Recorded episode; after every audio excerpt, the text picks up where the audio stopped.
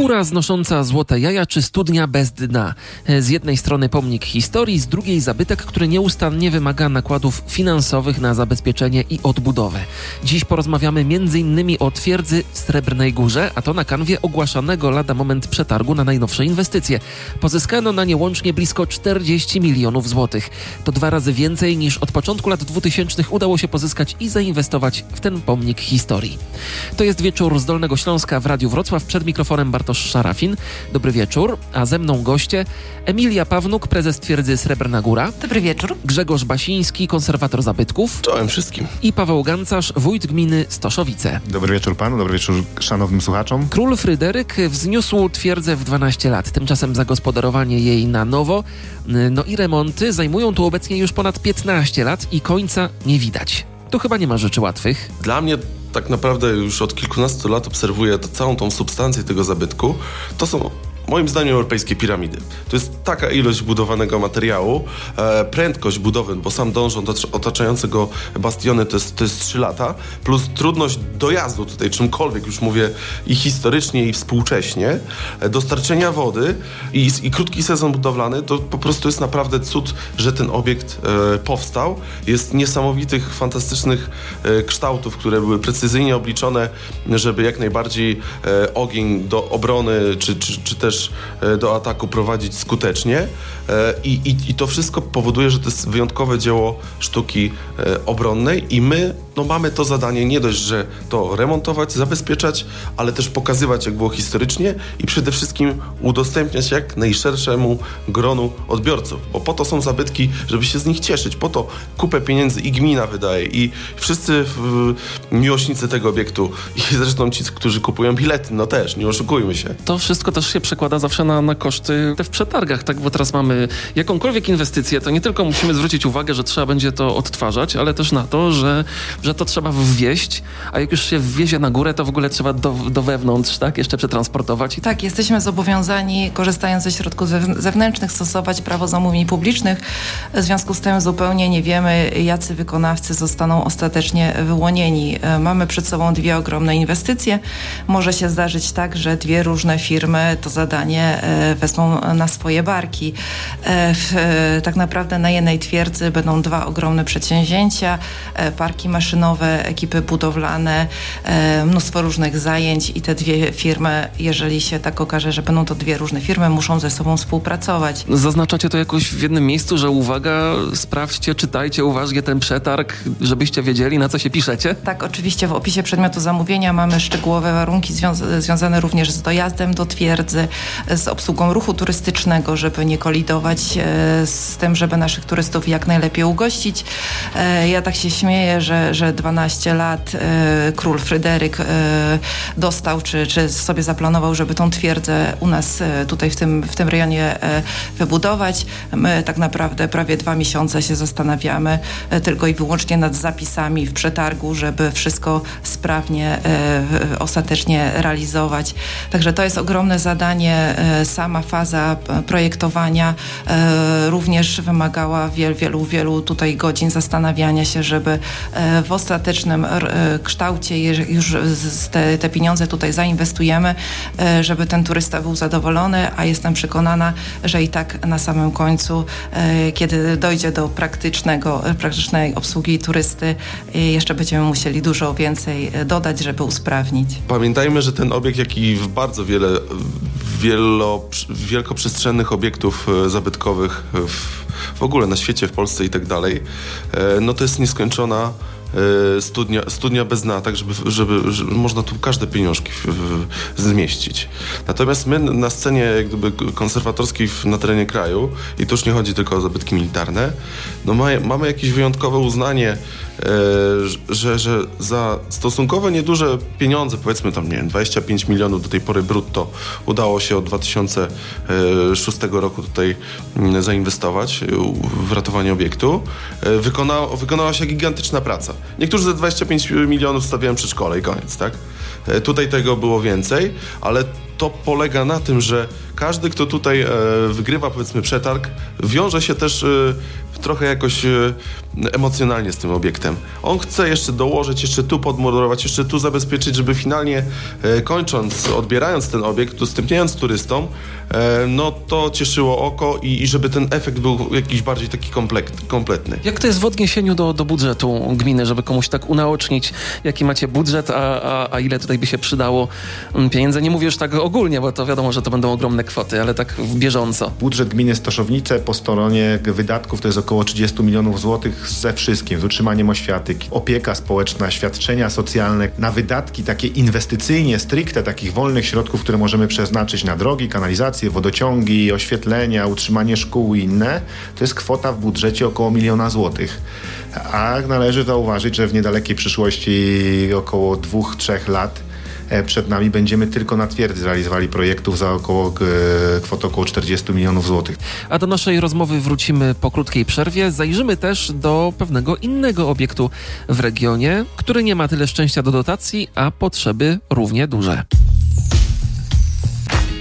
Słuchają Państwo Radia Wrocław, to jest wieczór z Dolnego Śląska. Yy, rozmawiamy o ogromnych nakładach na twierdzę w Srebrnej Górze. Dziś, żeby się do Was dostać, trzeba się wspinać pod górkę. To ogromny obiekt obronny. Nie mieli tu łatwo żołnierze, więc i firmy, które podejmą się nadciągającej 40-milionowej inwestycji, też nie będą miały łatwo. Trudno porównać, e, co, co może być e, trudniejsze niż, niż budowanie, remontowanie tego obiektu, no ale wyobraźmy sobie tak, nie dojedziemy ładowarko-koparką, ładowarko-koparka ma 3,60 powiedzmy wysokości, a bramy mają 3,40, tak? No to już ewentualnie podkopujemy gdzieś tam oryginalną grubość przejazdu, no to już coś się zmieści. Ale już dźwig 20-tonowy, czy betoniarka czteroosiowa, to no zresztą z zeszłego tygodnia yy, przy, przypadek. Wywozimy kontener z gruzem i kontener w środku tunelu przejazdowego, jedynego w twierdzy, bo je, póki nie otworzymy e, historycznej komunikacji i tak dalej, no to nie będziemy mieli drogi ewakuacyjnej z twierdzy. I właśnie ten przypadek, czy w tamtym roku, jak mieliśmy pożar i wóz strażacki wyjeżdża pół godziny e, z naszego obiektu, jesteśmy kompletnie zakorkowani. I co z tym fantem zrobić? Oczywiście dla turystów to jest atrakcja, bo coś się dzieje, Boże, ciężarówka utknęła, rzeźbi po tych cegłach, migaczami, blacharką, kierowca się poci i tak dalej. Ale wy też się pocicie, jak to widzicie. Jest wesoło. No i właśnie przy każdym takim postępowaniu wymagamy wizji terenowej. Każdy wykonawca musi potwierdzić, że był na obiekcie, zapoznał się z charakterystyką tego obiektu i to, że musi być bezpieczny, kiedy turysta tu zwiedzi i, i w sumie te prace tak naprawdę remontowe tu muszą być atrakcją dla zwiedzających, a nie przeszkodą. Jeśli brakuje nam 2,5 2,5 metra elewacji, no to też y, nie robimy to, tego stricte historycznymi metodami. Oczywiście z zewnątrz fajnie to wygląda. E, wielkość kamieni, dobór spoiny, e, wątek muru, wszystko jest ok, ale w środku stosujemy już beton, stal, e, kotwienie tego wszystkiego, żeby te prace naprawcze były naprawdę na wiele, wiele, wiele lat. Największym tutaj przeciwnikiem to jest w sumie teraz klimat, bo nie robienie czegokolwiek to nie oznacza, że obiekt stoi tak jak stał, tylko popada wtedy w ruinę. To, to jest nieustająca walka. 685 metrów nad poziomem morza, zima, która trwa naprawdę długo, plus e, wiatry. E, to wszystko powoduje przyspieszoną erozję kamienia, cegły, plus jeszcze rozwój e, samosiejek, czyli korzonki, słynnych brzuzek, klonów, innych. Po prostu wchodzą między zaprawę kamieni i to, i to, to, to nie jest są małe ubytki. To jest tak jak człowiek ma 1,80 m, no to taki duży człowiek koszykarz ma 2,30 i właśnie w twierdzy większość ubytków murów, czyli to, co powinniśmy widzieć elewacji, to te na 2,30 w głąb tego nie ma. To wszystko odpadło. To wszystko znajduje się w fosach. Na grubość, tak? Na grubość, na grubość. A ile te mury mają grubości? To jest, to jest obiekt militarny, który miał być odporny na bombardowanie, więc mury, no to 4, 4 metry to jest, to jest minimum, tak? Y, oczywiście są partie, gdzie jest tego więcej. Część oczywiście też jest posadowiona na skalę, więc e, to dodatkowo wzmacnia tą konstrukcję. Jeśli zestawimy takie utrudnienia z budżetem gminy, to robi się poważnie. W gminie milion złotych na prace zabezpieczające na teren całej gminy Stoszowice, a tutaj ogromne potrzeby jednego obiektu, który co prawda zarabia na siebie, ale też ma duże potrzeby. E, ta zależność twierdzy od gminy jest korzystna dla obydwu instytucji, czy niekoniecznie? No, tym mankamentem, które blokuje nas w wielu przypadkach, to są przede wszystkim środki na zabezpieczenie, czy takie bieżące środki na zabezpieczenie tych ruin, czy zawalisk, które są, na których występuje taka postępująca degradacja. I w naszym przypadku to nie jest kwestia tego, że nie mamy wolnych mocy przerobowych, ich jest niewiele, ale nasz, blokadą dla nas przede wszystkim są środki e, finansowe. Zapytam tak, czy może byłoby lepiej, gdyby twierdza była, nie wiem, jakąś taką spółką totalnie zewnętrzną, wtedy gmina nie musiałaby tutaj dokładać na, na wkłady własne, to byłoby lepiej czy gorzej? W mojej ocenie na pewno byłoby korzystniej, bo wielokrotnie rozmawiając z mieszkańcami, czy decydując się na wsparcie finansowe dla twierdzy, chociażby w 2015 roku na przeznaczenie dużej kwoty, bo kilkuset tysięcy złotych na opracowanie wielobranżowej dokumentacji, z której teraz czerpiemy i dzięki której moglibyśmy, mogliśmy aplikować o środki zewnętrzne. E, to są trudne decyzje, bo wiedząc, że w budżecie mamy milion do półtora na chodniki, kanalizację, drogi, wszystko to, co już wcześniej mówiłem, no musimy wyodrębnić kilkaset tysięcy złotych na pomnik historii, e, no, z którego mieszkańcy nie, niekoniecznie to jest takim priorytetem w ich codziennym funkcjonowaniu. I Każdy ma swoje problemy, nie? Tutaj jakiś dach na szkole, na budynku innym. Drogi, dziury w drogach i, i wszystko po kolei, no ale my to robimy, tak? To może wykorzystam to pytanie do wprowadzenia naszego kolejnego rozmówcy. E, łączymy się z Janem Jędrasikiem, dyrektorem Centrum Nauki i Sztuki Stara Kopalnia w Wałbrzychu. Dobry wieczór. Dobry wieczór panie redaktorze, dobry wieczór państwu. Stara Kopalnia podlega gminie, oczywiście znacznie większej niż Stoszowice. E, w dobie różnych problemów e, i inwestycji to jest ułatwienie czy utrudnienie? Bo jak wiemy są różne obiekty industrialne, które często znajdują się w rękach prywatnych. Ja powiem tak, że, że jako instytucja kultury no jesteśmy taką instytucją, która teoretycznie nie jest nastawiona na zysk, aczkolwiek zdecydowanie organizator, czyli gmina oczekuje też, że przychody własne będą rosły, czyli jakby będziemy odciążali gminę z tej, z tej dotacji y, podmiotowej, którą kieruje do instytucji kultury. Z tym, że trzeba pamiętać też o tym, że jako instytucja kultury mamy zadania, które, no nie chcę powiedzieć, ale prawie, że zasady są deficytowe, bo dbanie o chociażby muzealia w tym obiekcie to nie są działania, które jakby wprost przelewają się na zyski.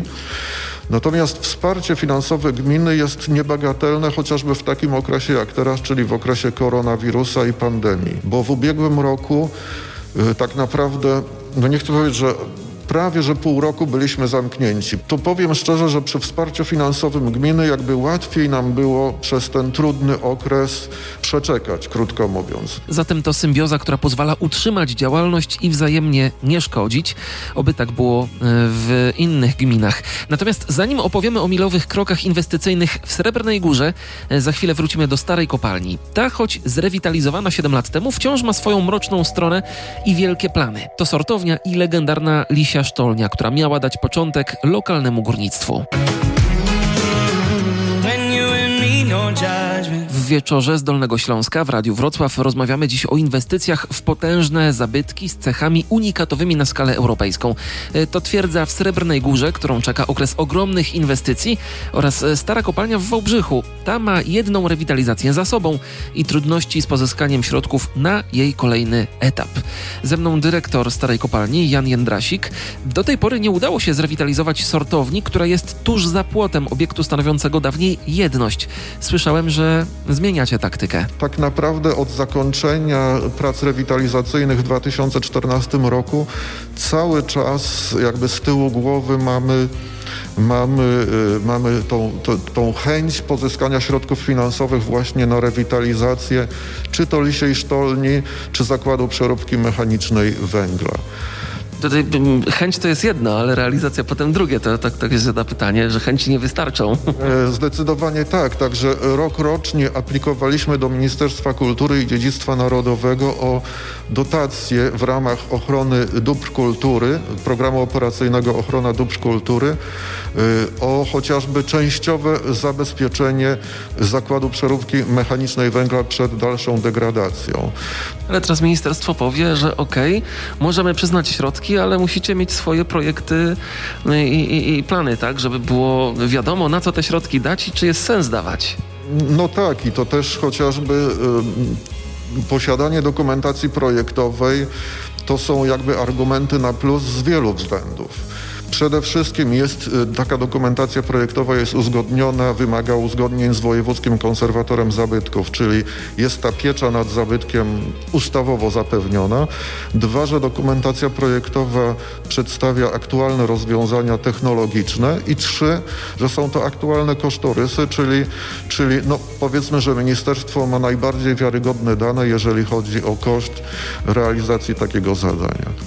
I to, czym możemy się pochwalić i rzeczywiście drobnymi kroczkami jednak zmierzamy do przodu, to jest to, iż w roku ubiegłym opracowaliśmy z własnych środków dokumentację projektową właśnie na zabezpieczenie konstrukcji stalowej nośnej budynku sortowni i całkowitą, i całkowitą wymianę praktycznie dachu, bo taka jest prawda, że, że ten dach no, w, w szczątkowym stanie jest, jest, jest jakby mm, dobry, natomiast w większości po prostu go na tej konstrukcji nie ma.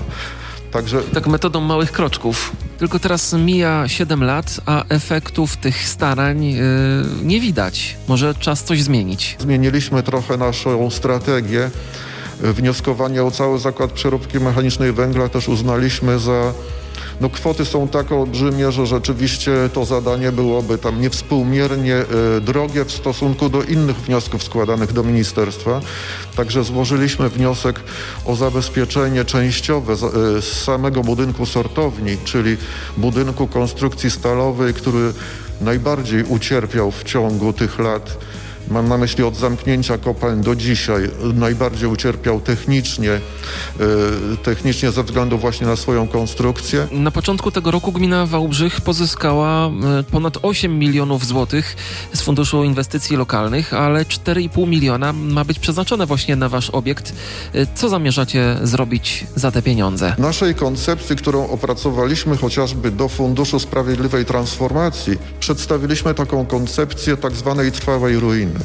Ma to zabezpieczyć cały ten obiekt, ale nie w takim standardzie jak, jak e, wynikający z pierwszej rewitalizacji, tej zakończonej w roku 2014. Ta trwała ruina to jest koncepcja polegająca na tym, iż jest to konserwacja zachowawcza, czyli będziemy się starali maksymalnie zachować ten obiekt w takim stanie, w jakim jest, remontując go w taki sposób, aby bezpiecznie turysta mógł ten obiekt zwiedzać. Ale jednak dziś stara kopalnia często bardziej się kojarzy z takim obiektem wybudowanym niż ze zrewitalizowaną, naprawdę starą kopalnią. No jest pomalowana na biało, niektórzy określają ją też mianem takiego sterylnego miejsca. Powiem tak, że w 2009 roku, kiedy był opracowywany wniosek do e, Ministerstwa Kultury i Dziedzictwa Narodowego w programie operacyjnym Infrastruktura i Środowisko, jakby mm, trendy rewitalizacyjne były inne, no już praktycznie 11 lat temu, tak, czy, czy 12 lat temu, jak obecnie. Aktualnie myślę, że ten trend zachowania obiektów w formie trwałej ruiny odpowiada też oczekiwaniom turystów, którzy poszukują takich obiektów jednak, nie chcę powiedzieć, że zdegradowanych, ale zachowujących maksymalnie atmosferę lat ubiegłych. Oczywiście on musi spełniać aktualne normy, no ale w takim zakresie, żeby maksymalnie zachować, zachować tą atmosferę, wygląd tych obiektów sprzed lat. Obecnie, jak wiemy, te 4,5 miliona złotych pozyskanych z Funduszu Inwestycji Lokalnych ma wystarczyć tutaj na przygotowanie dokumentacji e, projektowej i remont dachu. A rewitalizacja realizacja mm, całej sortowni jako trwałej ruiny, to jaki to koszt? Koszt jakby adaptacji całego zakładu przeróbki mechanicznej węgla oceniamy na jakieś 35-37 milionów złotych, co przy tej pierwszej rewitalizacji no jest to koszt zdecydowanie niższy. I to wystarczy? Myślę, że tak. A my wrócimy po krótkiej przerwie i porozmawiamy jeszcze o Lisiej Sztolni. Plan jej ponownego udostępnienia do zwiedzania powraca jak bumerang oraz opowiemy o szczegółach inwestycji w Srebrnej Górze i postaramy się odpowiedzieć na tytułowe pytanie.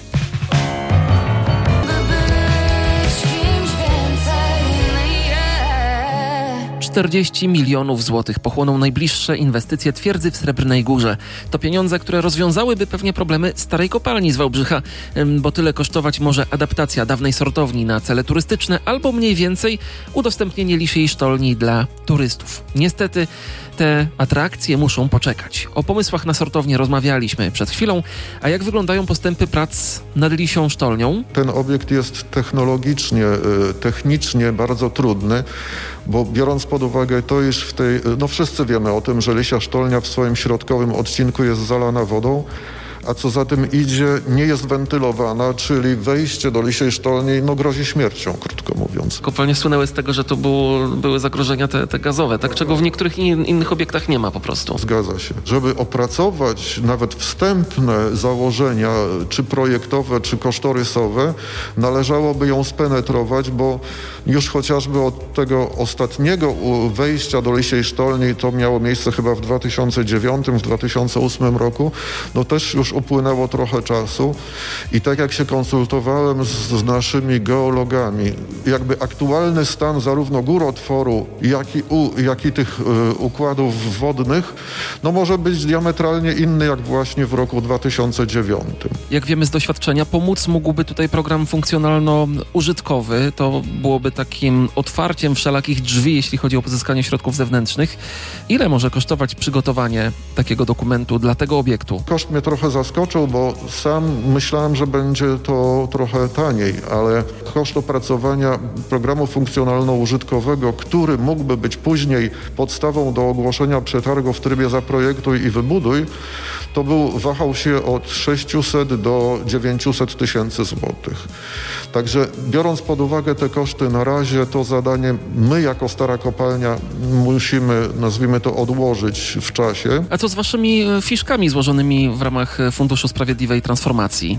To może być szansa. Nasza fiszka Podobnie jak zresztą fiszka dotycząca zakładu przeróbki mechanicznej węgla. Obie zostały bardzo wysoko ocenione zarówno przez ekspertów unijnych, którzy analizowali i rekomendowali te zadania.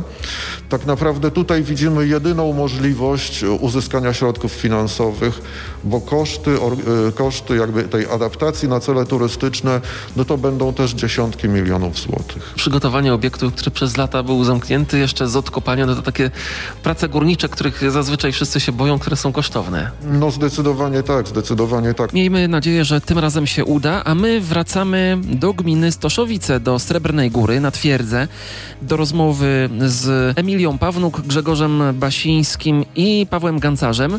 40 milionów do wydania w niecałe dwa lata, można powiedzieć w półtorej roku.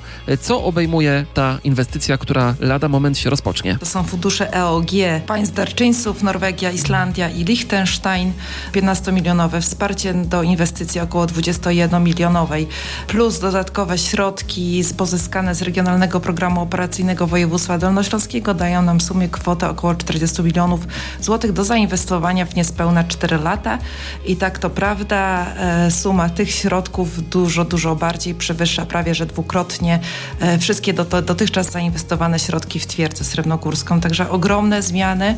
Ja pamiętam rok 2018, kiedy to otrzymaliśmy przecudowną wiadomość o, o wsparciu do inwestycji 3 milionowej, e, kiedy to udostępnialiśmy 165 metrów nowej trasy turystycznej. E, wydawało mi się, że, że to jest tak niebagatelna suma, że, że, że, że przeogromna zmiana.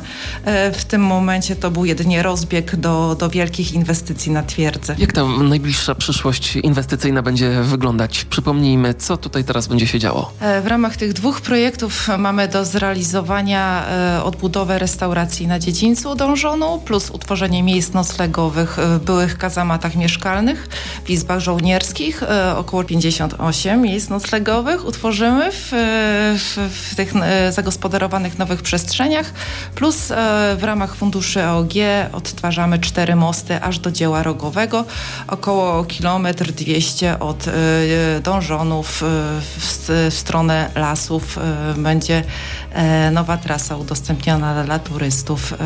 Także czasu niewiele. Za chwilę ogłosimy przetarg na roboty budowlane, rozstrzygnięcie w lipcu. W lipcu również moż, możliwe już jest wejście na, na plac budowy pierwszych ekip budowlanych i tak naprawdę będzie się działo bardzo, bardzo dużo na przestrzeni najbliższych najbliższych lat. Powiedzmy sobie otwarcie, to nie będą makiety mostów, to będą prawdziwe mosty, odtworzone. Jeden most 12-metrowy, odtworzony na, postawie, na podstawie źródeł historycznych, z wszelkimi detalami, tak jak to było w XVIII wieku, podnoszony e, po to, żeby grupy zorganizowane albo turystów indywidualnych podprowadzić pod taki most i pokazać, e, jak był podnoszony.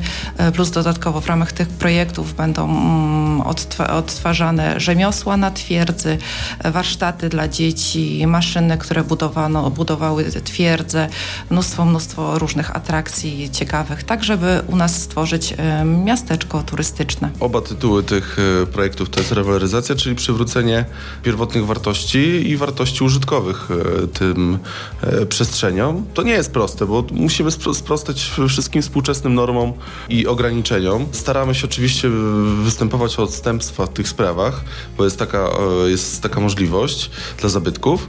Przede wszystkim chodzi o to, żeby, no, jeśli jesteśmy uznani za pomnik historii, czyli jest to coś wyjątkowego w ogóle w skali kraju. To coś tutaj się musiało zadziać, czyli ta substancja, która nas otacza, to nie są tylko jakieś yy, bezsensowne mury, tylko tak jak wspominałem, to wszystko jest zaprojektowane zupełnie celowo. Każdy odcinek murku, każda wysokość fosy, każdy nasyp ziemny tu jest celowo i kompleksowo zaprojektowany, żeby stworzyć tak naprawdę obiekt idealny, no bo on, on nigdy nie został zdobyty. No, pamiętajmy, tak? 1807 rok, e, twierdza jako ostatnia no, z pruskich twierdz, no nie poddała się, chociaż nie wiadomo, gdy, jak, jak to by było, gdyby e, nie nadszedł e, rodzaj, można powiedzieć. Tu na chwilę stawiamy kropkę, wracamy po przerwie.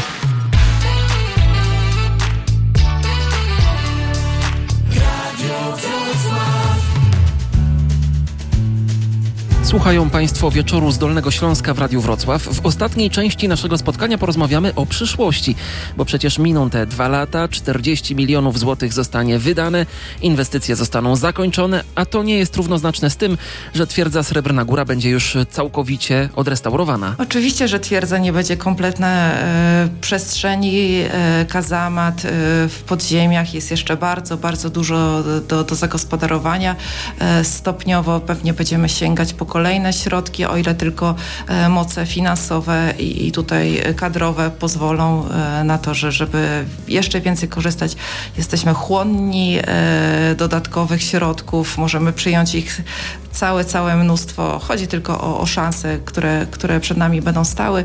Jeżeli tylko będzie taki moment, to będziemy je wykorzystywać. Trzeba się popisać jak najlepszym programem kulturalnym, edukacyjnym, żeby nie tylko wyremontować obiekt, ale ten, kto tutaj przyjedzie, żeby miał coś wow, tak? Żeby mógł dotknąć czegoś wow, przeżyć coś wow, e, a każdy dzieciaczek, który tu przyjedzie i przeżyje coś wow, to 100% lepiej będzie przyjmował elementy historyczne do swojej głowy gdzieś na tych nudnych lekcjach, e, niż jakby tutaj nie trafił. I taki mamy cel, żeby przemycać jak najwięcej historii i, i, i po prostu tego, żebyśmy szanowali dawne czasy i je pielęgnowali. To może teraz jest e, ten czas, żeby uściślić taki zabytek, pomnik historii. To jest kura znosząca złote jaja dla gminy, czy też jednak studnia bez dna. Panie wójcie. Ja myślę, że duża wschodząca gwiazda, y, która, ta magiczna ilość 100 tysięcy turystów, która była wskazana, no to mamy nadzieję, że to jest początek, bo y, to, co mówili też przedmówcy w swoich wystąpieniach, no każdy turysta jest dla nas tak naprawdę dodatkową możliwością na restaurowanie i zabezpieczanie tego obiektu. E, myślę, że nie dojdzie do takiej sytuacji, patrząc na skalę potrzeb, gdzie jak to ma miejsce w niektórych atrakcjach turystycznych, że zasilane są budżety gmin e, zwrotnie z tych środków właśnie z biletów i z odwiedzających. U nas jednak te potrzeby będą zawsze i one zawsze będą niewystarczające, bo to jest skala obiektu taka, którą ciężko z jakimkolwiek innym porównać i tak jak mówię, to jest w mojej ocenie gwiazda, yy, która już świeci, ale może świecić jeszcze. Tak to traktujemy, że jednak zabezpieczamy coś od tego, żeby yy, kolejne pokolenia mogły yy, też się z historią tego miejsca zapoznać. Oprócz tego oczywiście przy okazji staramy się stwarzać warunki do rozwoju tych wszystkich usług, które znajdują się wokół. Czyli z jednej strony mieszkańcy nie będą mieli tutaj żadnych wątpliwości co do tego, że twierdza sobie też sama po poradzi i oni na tym nie ucierpią, ale tylko zyskają dzięki turystom, którzy przyjadą, a sami turyści będą waszą gminę promować w całej Polsce, pewnie i w Europie. Wiemy, że zadowolony mm, uczestnik wyprawy do na, na, na, nasze obiekty to jest naturalny ambasador tego, co tutaj robimy i mamy nadzieję, że tych ambasadorów będzie jak najwięcej. I takich właśnie ambasadorów wszystkim Państwu życzymy. Gośćmi Radia Wrocław byli Emilia Pawnuk, prezes twierdzy Srebrna Góra, Dziękuję bardzo. Do zobaczenia w Srebrnej Górze. Grzegorz Basiński, konserwator zabytków, Zapraszam, prowadzę Państwa po placu budowy. Paweł Gancarz, wójt gminy Stoszowice, Zapraszamy Państwa do gminy Stoszowice, do twierdzy Sybnogórskiej. E, Miłego wieczoru życzę wszystkim słuchaczom Radia Wrocław. i z Wałbrzycha dyrektor Centrum Nauki i Sztuki Stara Kopalnia Jan Jędrasik. Dziękuję bardzo. A ja Państwu dziękuję za wspólnie spędzony wieczór. To była audycja Wieczór z Dolnego Śląska w Radiu Wrocław. Bartosz Szarafin, do usłyszenia.